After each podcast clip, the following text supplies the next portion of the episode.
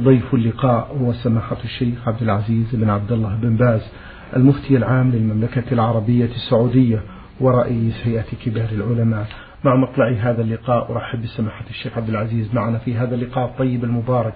أهلا ومرحبا سماحة حياكم الله وبارك فيكم. وفيكم. هذه سائلة سماحة رمزت اسمها بنون سين من الرياض تقول هل صحيح أن من مات ولم يحج وهو قادر على ذلك يكون نصرانيا أو يهوديا وإذا كان كذلك فتقول فهي فتاة تود أن تؤدي فريضة الحج ولكن جميع أفراد الأسرة قد أدوا هذه الفريضة عندما كانت صغيرة. فماذا تفعل؟ تقول وأنا لا أجد من يحججني. هل علي إثم؟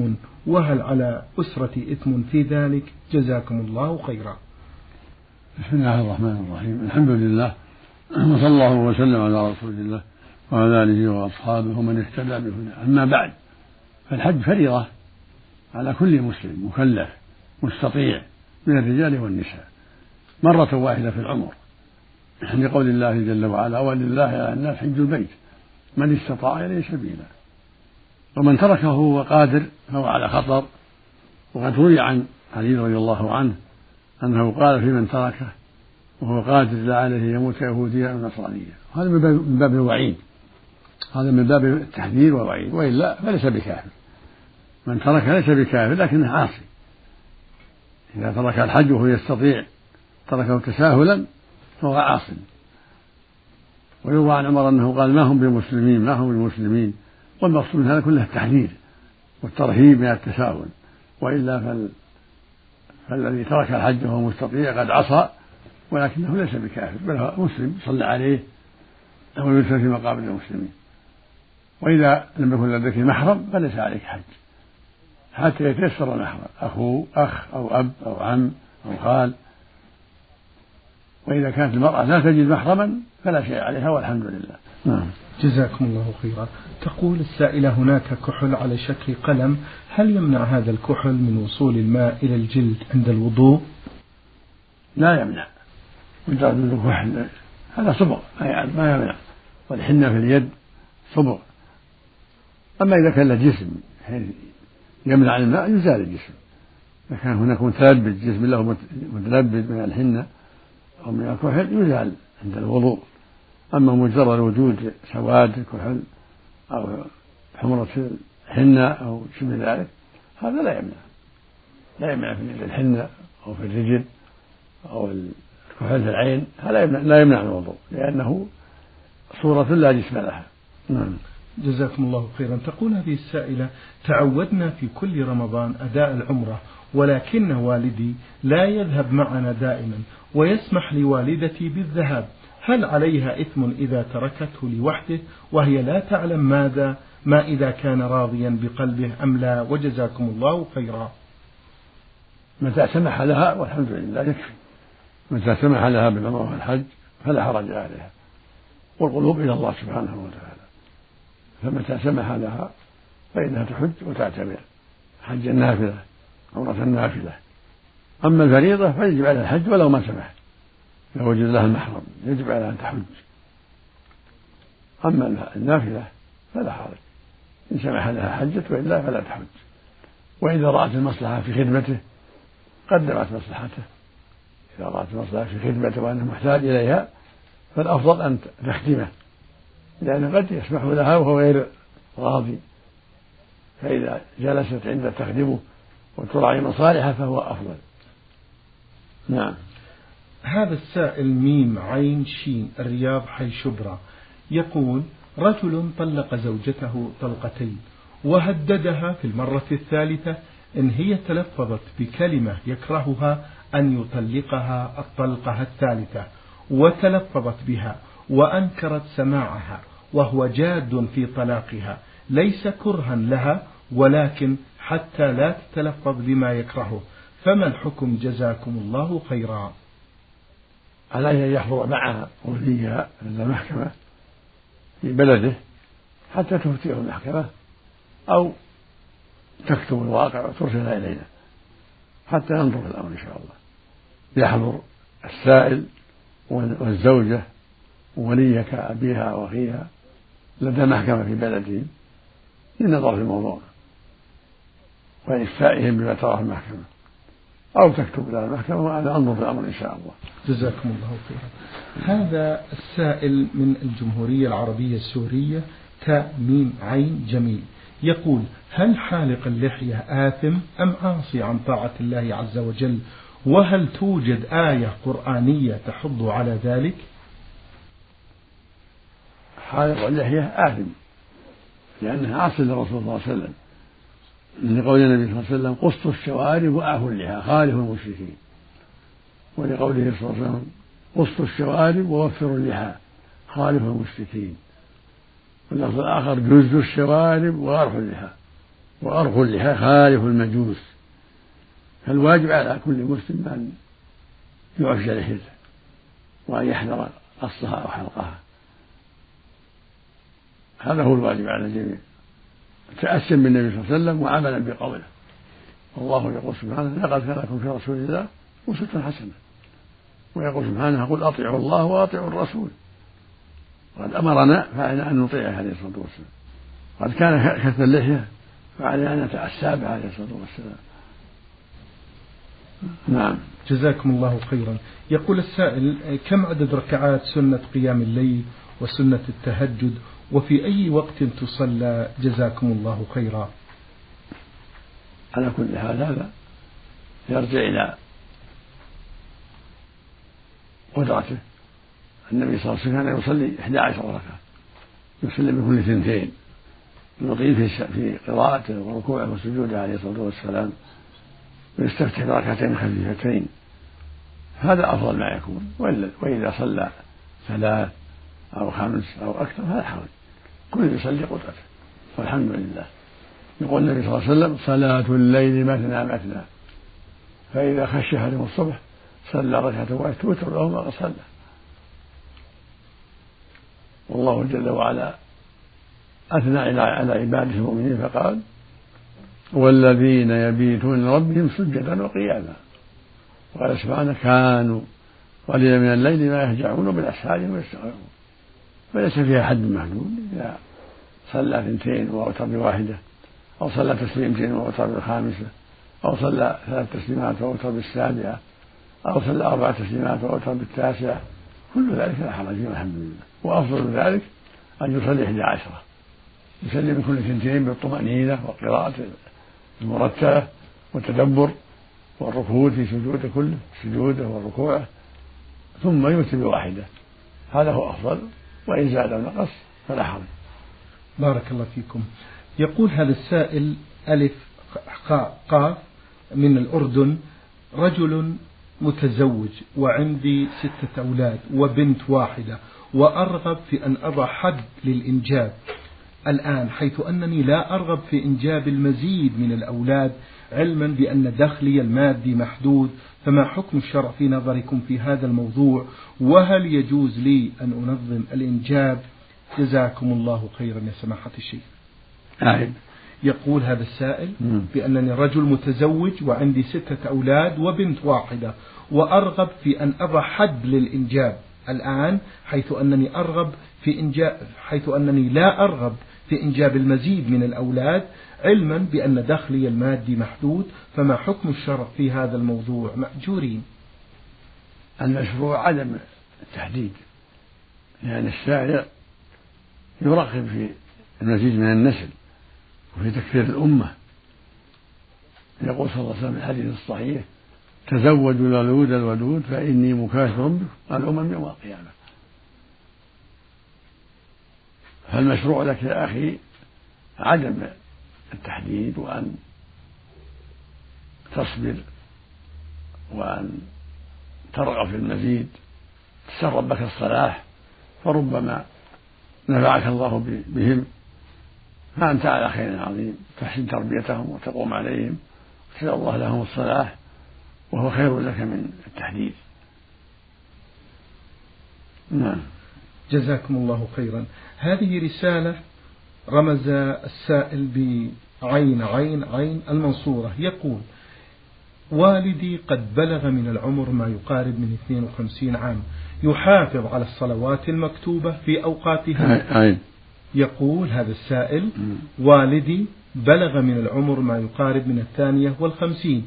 يحافظ على الصلوات المكتوبة في أوقاتهن ولكنه كثير المزاح مع الناس ومع الغير صالحين والفاسدين بالفواحش والمنكر. فهذا يغضبني ويجعلني لا أملك نفسي فأقوم بتوجيهه في نفس الوقت.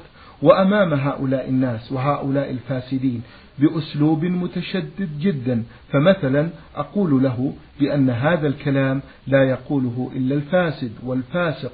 ولو مت يا أبي على هذه الحالة ستلقى الله وهو عليك غضبان. ولا أطيل عليكم فقد كنت متشدد معه مع خوفي عليه من غضب الله. فماذا أفعل لو كان أسلوبي هذا؟ يغضب الله.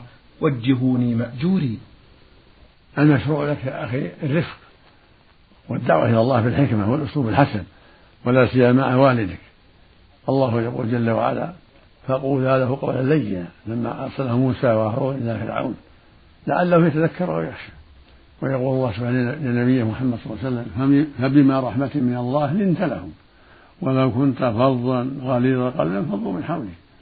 ويقول الله سبحانه ادع إلى سبيل ربك بالحكمة وموعظة حسنة وجادلهم بالتي أحسن فنوصيك بالرفق بوالدك ومخاطرته بالأسلوب الحسن بينك وبينه حتى يهديه الله.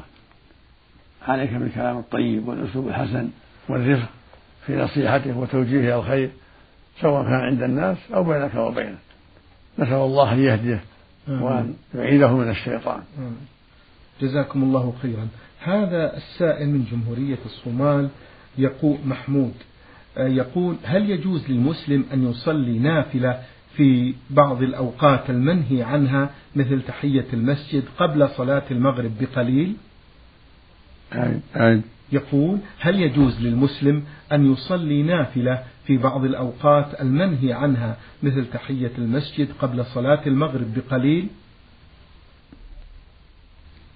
يجوز له إذا كان إذا كان الصلاة ذات أسباب كان دخول المسجد قبل المغرب صلي تحية المسجد لا بأس.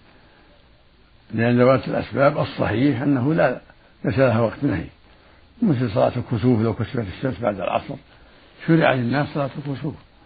ومثل الطواف لو طاف بعد العصر في مكة لو طاف بالكعبة بعد العصر شرع له يصلي ركعتين الطواف ولو بعد العصر. أما غير ذوات الأسباب فلا يجوز. إذا كان جالس في المسجد بعد صلاة العصر أو في بيته لا يصلي بعد العصر.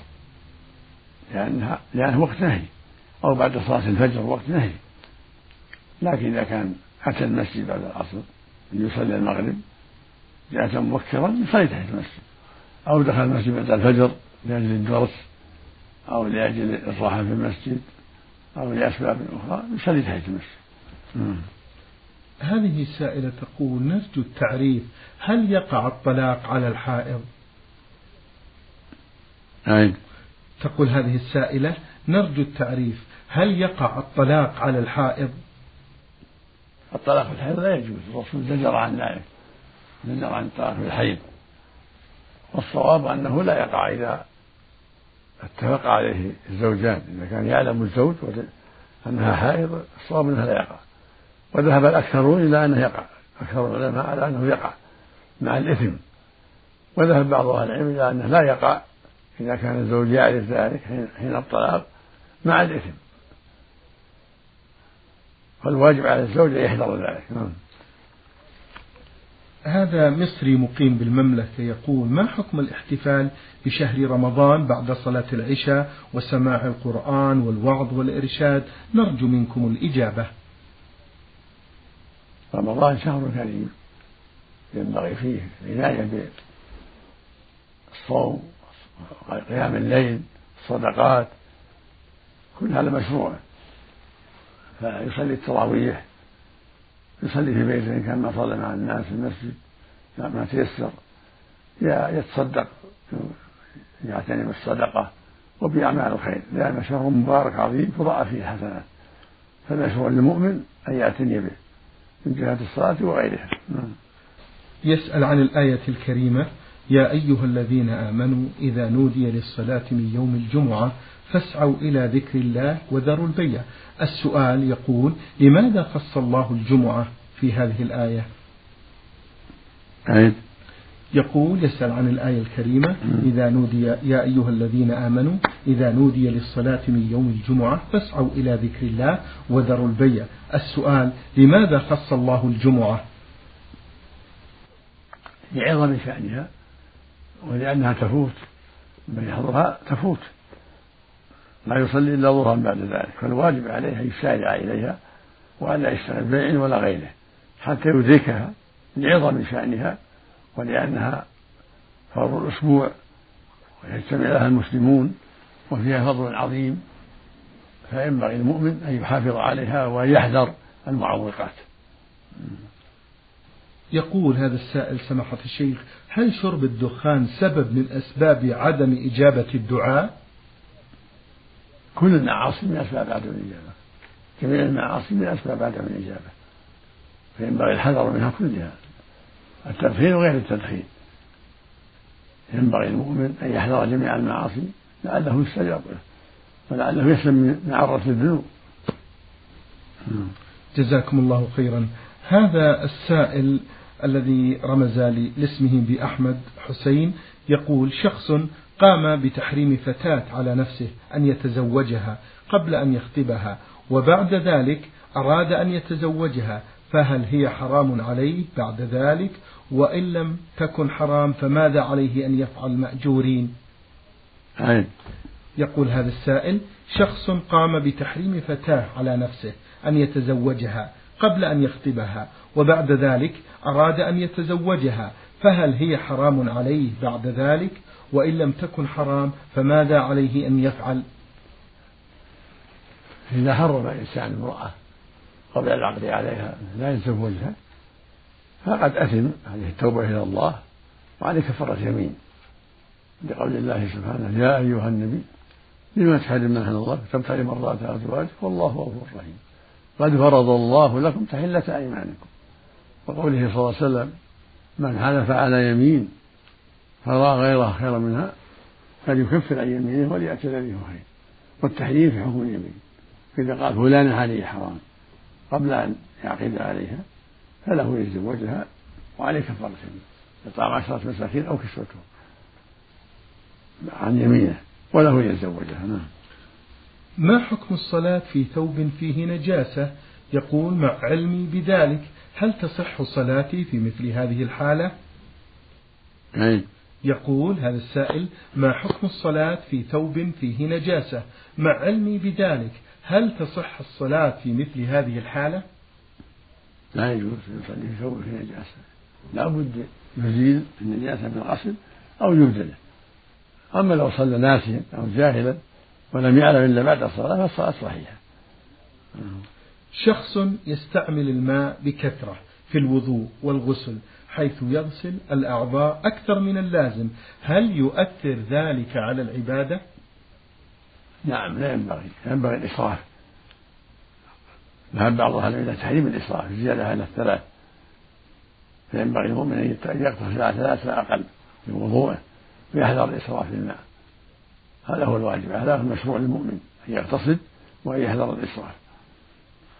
بل ورد عنه صلى الله عليه وسلم أنه توضأ مرة مرة وثنتين ثنتين وثلاثا ثلاثة وفي رواية من زاد فقد أساء وتعدى وظلم فالمشروع المؤمن الاقتصار على على ما يسلمون وهو ثلاث فأقل نعم. جزاكم الله خيرا سماحة الشيخ. السائل عين باء ألف يقول لديه فشل كلوي ويداوم على غسيل الكلية لمدة ثلاثة أيام في الأسبوع فهل يجوز له الصيام في هذه الأيام عند دخول رمضان؟ وجزاكم الله خيرا. يقول لديه فشل كلوي ويداوم على غسل الغسيل لمدة ثلاثة أيام في الأسبوع فهل يجوز له الصيام في هذه الأيام عند دخول رجل رجل رجل؟ رجل لديه فشل كلوي ويداوم على غسيل الكلية لمدة ثلاثة أيام في الأسبوع فهل يجوز له الصيام في هذه الأيام عند دخول رمضان؟ نعم يجوز له الصيام في الأيام التي ليس فيها غسيل. ويجب عليه إذا كان عليه قضاء يجب عليه قضاء في الأيام السليمة التي ما فيها غسيل. أما التطوع فالأمر واسع فيه. إذا كان التطوع يضره فالأولى ترك التطوع. لكن إذا كان عليه صيام فريضة بنذر أو قضاء رمضان فالواجب عليه البدار بالصوم في الأيام التي ما فيها غسيل. جزاكم الله خيرا. هذه سائلة لم تذكر الاسم في هذه الرسالة تقول كنت عاقة لوالدتي والآن تبت إلى الله. وكانت تدعو علي بعدم التوفيق. ففشلت في دراستي وتذكر بأنها الآن هي عانس. فهل هذا بسبب أن الله عاقبها؟ وما نصيحتكم لها يا سماحة الشيخ؟ تذكر هذه السائلة وتقول كنت عاقة لوالدتي والآن تبت إلى الله. وكانت تدعو علي بعدم التوفيق ففشلت في دراستي وتذكر الآن بأنها عانس. فهل هذا بسبب أن الله عاقبها؟ وما نصيحتكم لها سماحة الشيخ؟ قد يكون عليها عقوبة عليها التوبة إلى الله وعليها بر والدتها والحرص على استرضائها. قد تكون قد يكون هذا فشل بسبب عقوبها. فإن المعاصي شرها عظيم. الله يقول وما أصابكم من مصيبة فبما كسبت أيديكم ويعفو عن كثير. ويقول سبحانه وما أصابك من سيئة من نفسك فقد يكون فشلها بأسباب عقوبها أو بأسباب معاصي أخرى أو بأسباب الجميع. فالواجب التوبة والندم والإقلاع وسأل الله التوفيق والإعانة. من السودان السائل ميم عين ألف ألف. يقول هذا السائل كما جاء في السنة فإنه لا يجوز للرجل أن يصافح أجنبية فإذا وضعت المرأة ثوبها على كفها فهل تجوز المصافحة في مثل هذه الحالة؟ نعم كما جاء في السنة فإنه لا يجوز للرجل أن يصافح أجنبية نعم. فإذا وضعت المرأة ثوبها على كفها فهل تجوز المصافحة في مثل هذه الحالة؟ لا تجوز مصافحة النساء. النبي صلى الله عليه وسلم النبي عليه الصلاة والسلام قال إني لا أصافح النساء. قالت عائشة رضي الله عنها والله ما مست يد رسول الله يد امرأة قط ما كان يبايعهن إلا بالكلام. فالمشروع للمرأة أن تكلم وتسأل من دون مصافحة ولا يجوز لها أن تصافح لا زيد ولا عمرو إلا محارمها كأخيها وأبيها. أما الأجناب لا. تكلمهم من دون مصافحة ولو ولو جعلت شيء على يدها. سدا للباب لا تصافح ولا من دونها ولا من دون حائل. الواجب عليها الحذر والبعد عن الشبهة. سد الباب فلا تصافح لا مكشوفة اليد ولا ولا من وراء ساتر جزاكم الله خيرا. السائل يقول هل يجوز لطلاب الطب الذكور أن يكشفوا على النساء على سبيل التعلم؟ لا سيما أن ذلك يؤدي إلى ملامسة أعضاء المرأة وهي مكشوفة وخاصة إذا كان ذلك في شهر رمضان. يقول هذا السائل سماحة الشيخ هل يجوز لطلاب الطب الذكور أن يكشفوا على النساء على سبيل التعلم لا سيما أن ذلك يؤدي إلى ملامسة أعضاء المرأة وهي مكشوفة وخاصة إذا كان ذلك في شهر رمضان الذي يظهر بأنه لا يجوز لأنه وسيلة للشر إلا عند الضرورة إذا ما لم يوجد طبيبات واضطرت المرأة إلى الكشف فلا بأس عند الضرورة. لقول الله سبحانه وقد فصل لكم ما حرم عليكم إلا ما اضطررتم إليه. فعند الضرورات وإلا فالواجب إحالتهن للطبيبات وعدم كشف الشباب عليهن لأن ذلك يسبب فتنة وخطرا عظيما نسأل الله السلامة. نعم اللهم أمين. السائل يقول سماحة الشيخ كيف يوفق الرجل بين الأحاديث الواردة في إسبال الإزار؟ فهل فعلا لا تقبل صلاته؟ وهو يقول وهل ما يلي الكعبين في النار؟ أم أن ذلك في سبيل النهي على الفعل خيلاء؟ وما حكم الإسبال بالنسبة للبنطال إذا لم يكن خيلاء؟ أي إسبال الرجل لبنطاله إلى ما بعد الكعبين ولا يقصد الخيلاء. جزاكم الله خيرا. الواجب عدم الإسبال ولو ما قصد خيلاء الواجب على المؤمن رفع ثيابه وألا تنزل عن الكعبين. هذا الرجل أما المرأة فلا بأس. لقول النبي صلى الله عليه وسلم ما أسفل من الكعبين من الإزار فهو في النار. قوله صلى الله عليه وسلم ثلاثة لا يكلمهم الله. ولا ينظر بهم يوم القيامة ولا يزكيهم ولا هم عذاب المسبل إزارة والمنان فيما أعطى والمنفق سلعته بالحال الكامل. ولم يشترط الخيلاء لكن إذا كان مع الخيلاء يكون أشد إثما. فالواجب الحذر من الإسبال مطلقا ولو من دون قصد الخيلاء. لأنه وسيلة للخيلاء. ولأن أمر الخيلاء أمر يتعلق بالقلوب لا يعلمه إلا الله جل وعلا. ولأنه فساد. يفضي إلى تنجيس الثياب وتوسيخ الثياب ويفضي إلى التكبر الله المستعان الله المستعان نختم آه هذا هذه الرسالة بهذا السؤال يقول السائل سماحة الشيخ كيف يكون البر بالأقارب وإذا كانوا من المتساهلين في الدين وأصحاب رياء وبدع كيف يكون البر بالأقارب؟ وإذا كانوا هؤلاء الأقارب من المتساهلين في الشرع وأصحاب بدع فهل يجوز لي أن أقاطعهم ما داموا على هذه الصفة؟ جزاكم الله خيرا. تعمل بالأصلح إذا كان الزيارة والسلام عليهم فيها فائدة لإزالة المنكر وإحداء المعروف فافعل ذلك. وإن كانت الزيارة لا تؤثر شيئا. والمنكرات ظاهرة فهم يستحقون الهجر. سنة. لكن إذا رجوت أن ينفع الله بزيارتك فإنك تزورهم وتنصحهم وتوجههم إلى الخير.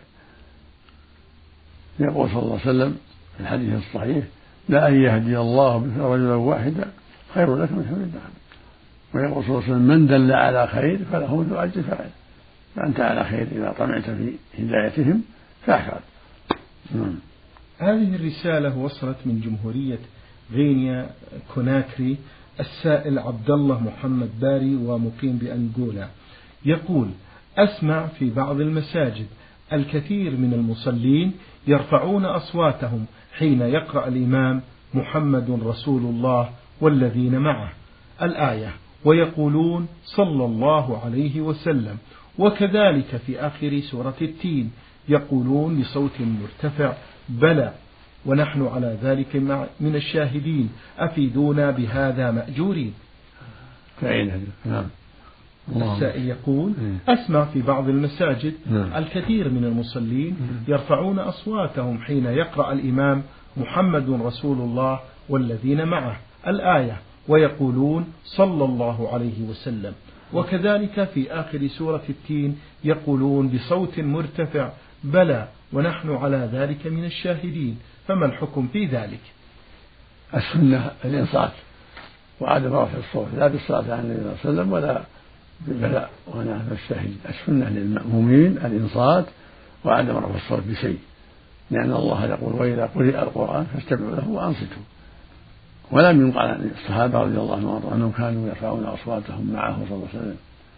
فالمشروع الإنصات والتدبر والتعقل وعدم رفع الصوت بقولهم عند قوله محمد رسول الله صلى الله عليه وسلم. أما بينه وبين نفسه فالأمر أوسع. بينه وبين نفسه الأمر سهل. لو تركها كان أفضل وإن فعل فلا بأس. لكن لم ينقل عنه صلى الله عليه وسلم في الفريضة أنه كان يقف فيصلي عليه النبي صلى الله عليه وسلم أو يدعو إنما كان هذا في التهجد. كان يفعله في التهجد بالليل وهكذا أليس الله بأحكم الحاكمين. لا يقول بلى وأنا من السهل لأن الحديث ضعيف.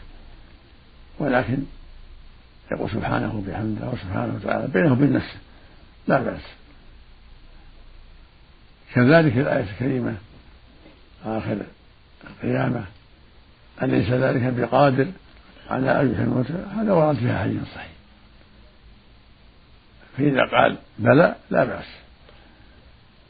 لأنه ورد في الحديث الصحيح في آخر القيامة يقول ذلك. وأما آخر التين وآخر المرسلات فلم يكن فيها حديث ولكن ينصت ويستمع ويحضر قلبه ولا يتكلم هذا هو الأفضل لأن الصحابة كانوا ينصتون والله أمر بهذا بقوله وإذا قرئ القرآن فاستمعوا له وأنصتوا لعلكم ترحمون. لكن لو سبح بينه وبين نفسه أو دعا بينه وبين نفسه فالأمر في هذا إن شاء الله لا حرج فيه. لفعله صلى الله عليه وسلم له في صلاة الليل. شكر الله لكم سماحة الشيخ وبارك الله فيكم وفي علمكم ونفع بكم المسلمين. الله. أيها الإخوة الأحباب أجاب عن أسئلتكم سماحة الشيخ عبد العزيز بن عبد الله بن باز المفتي العام للمملكة العربية السعودية ورئيس هيئة كبار العلماء. في الختام لكم التحية من الزميلين من الإذاعة الخارجية فادل عثمان ومن هندسة الصوت سعد خميس والسلام عليكم ورحمة الله وبركاته.